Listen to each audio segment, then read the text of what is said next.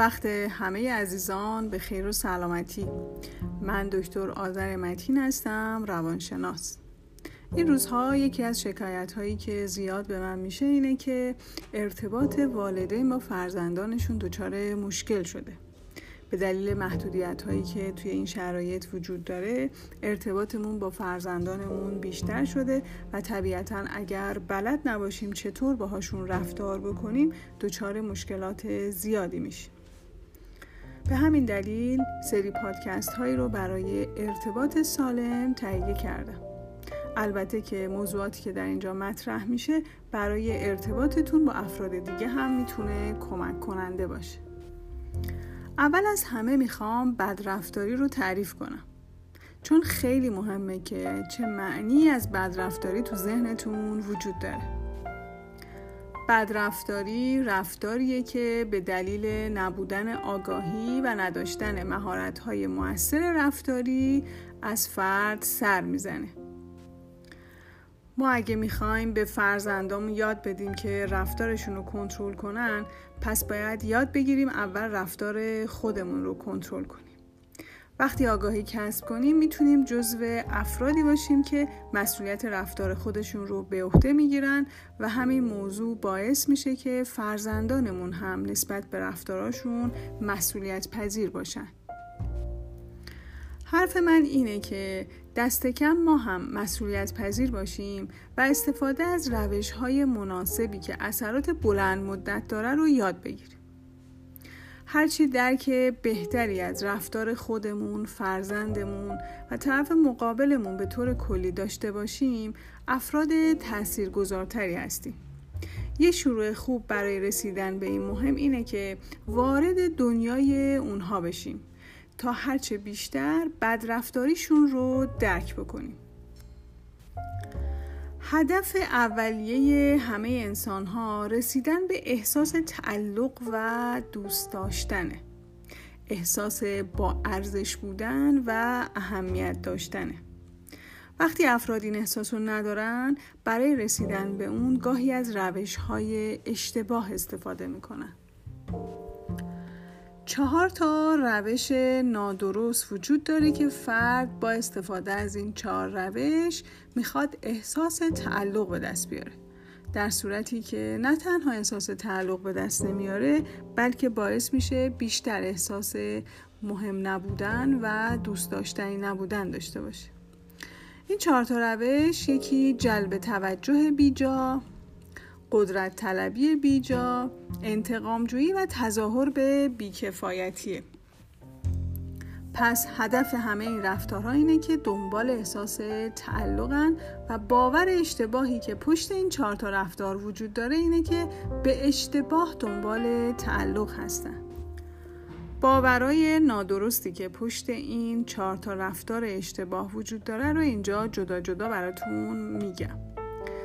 جلب توجه بیجا پشتش باوری وجود داره تحت عنوان اینکه من تنها زمانی احساس تعلق می کنم که توجه کامل تو رو داشته باشم پس فرد برای اینکه این احساس تعلق رو به دست بیاره از جلب توجه بیجا استفاده می‌کنه.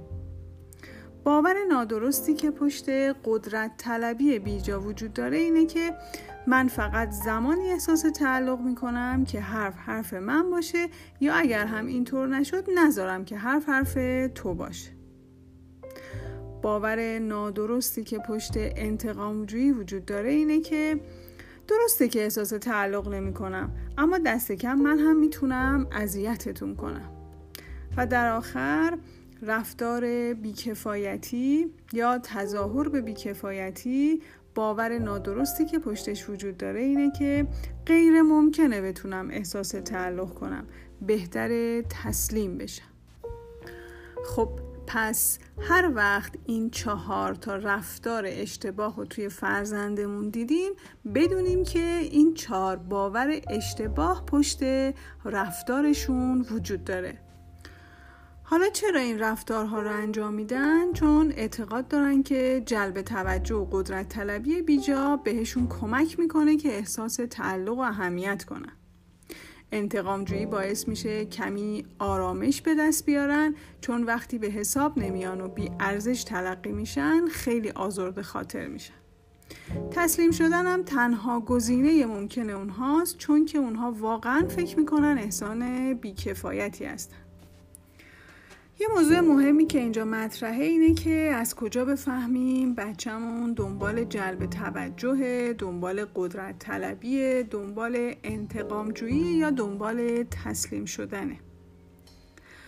یکی از سرنخهایی که بهتون کمک می‌کنه که هدف اشتباه رو تشخیص بدین واکنش فرزندتونه وقتی بهش میگین دست از رفتارش برداره اگه هدف فرزندتون جلب توجه باشه وقتی که بهش میگین که دست از رفتارش برداره لحظه دست بر میداره ولی معمولا خیلی زود همون رفتار رو دوباره انجام میده یا رفتار مشابه اون انجام میده که توجهتون رو جلب کنه.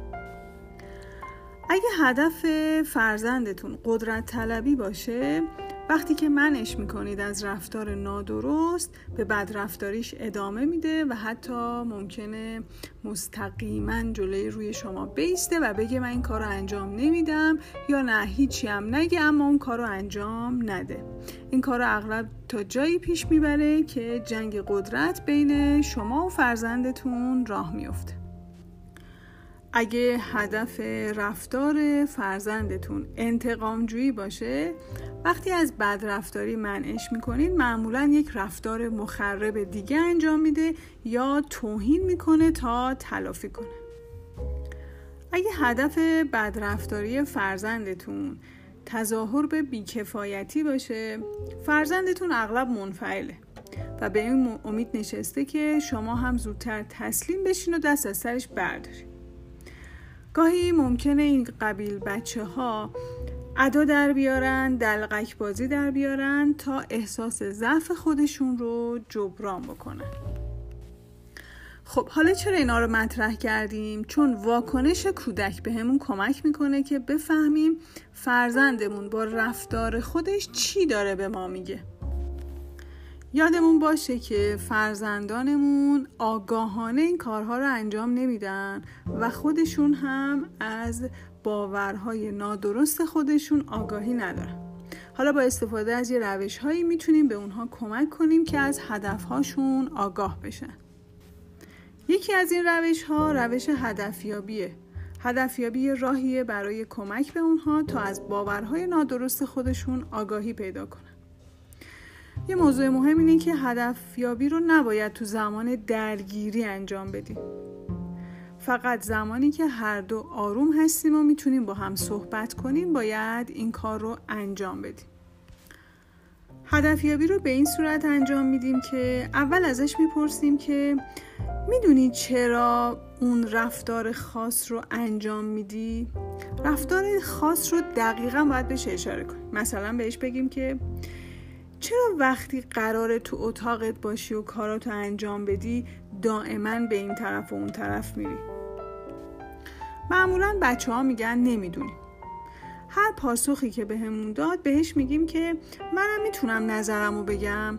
اگه از نظر تو اشکالی نداره منم یه حدسی بزنم. تو می‌تونی به من بگی که این حدسم درسته یا غلط تجربه نشون داده که اگه برخورد دوستانه داشته باشین فرزندمون کنجکاو میشه که ببینه حدس ما چیه. شروع می‌کنیم یکی یکی حدسامون رو بهش میگیم. اگر فرزندمون هر حدسی رو تایید کرد سراغ حدسای بعدی دیگه نمیریم.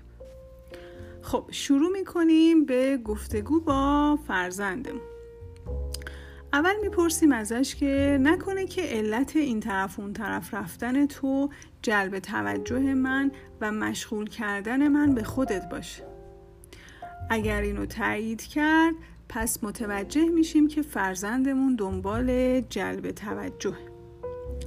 سوال بعدی اینه که نکنه که علت این طرف اون طرف رفتن تو این باشه که به من نشون بدی هر کاری دلت بخواد می‌تونی انجام بدی. اگر این سوال رو تایید کرد معنیش اینه که دنبال قدرت طلبیه. سوال سومی که می‌تونیم بپرسیم اینه.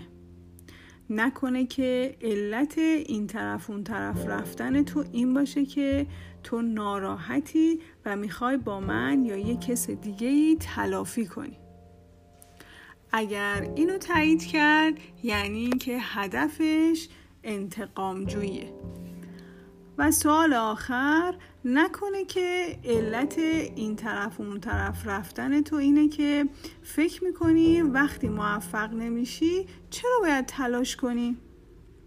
اگر این رو تایید کرد معنیش اینه که هدفش تظاهر به بیکفایتیه هر کدوم از این سوالا رو که ازشون پرسیدیم و جواب بله دادن. دیگه سوال بعدی رو نمی‌پرسیم چون هدف رو متوجه شدیم. حواستون باشه که گاهی وقتا بچه ها بله مستقیم نمیدن. یعنی اینکه وقتی ازشون سوال می‌کنیم به طور غیر ارادی لبخند می‌زنن و بعد میگن نه. این نه معمولا نه نیست و اتفاقا جواب بله هستش. اما به هر دلیلی نمی‌تونن نمی‌خوان جواب بله رو بدن خب توی این پادکست چهار تا دلیل بدرفتاری فرزندان رو مطرح کردم که این چهار دلیل یکی قدرت طلبی، یکی جلب توجه، یکی انتقام جویی و یکی تظاهر به بیکفایتی بود. سوالاتی که مطرح کردم می‌تونید دلیل بدرفتاری فرزندانتون رو پیدا کنید. اگر دلیلش رو پیدا کردین می‌تونین روش های درستی رو بهش یاد بدین برای اینکه به این هدفهاش برسه و از روش های اشتباه استفاده نکنه برای اینکه این هدفها رو دست پیدا بکنه توی پادکست بعدی روش های مناسب رو بهتون آموزش میدم برای اینکه به بچه هاتون یاد بدین که برای اینکه این هدف ها رو دنبال بکنن از چه روش های مناسبی استفاده کنن. امیدوارم که مطالبی که اینجا مطرح کردم بهتون کمک کرده باشه که بدرفتاری کودکانتون رو کاملا درک کنید و علتش رو پیدا کنید. روز و روزگار خوش.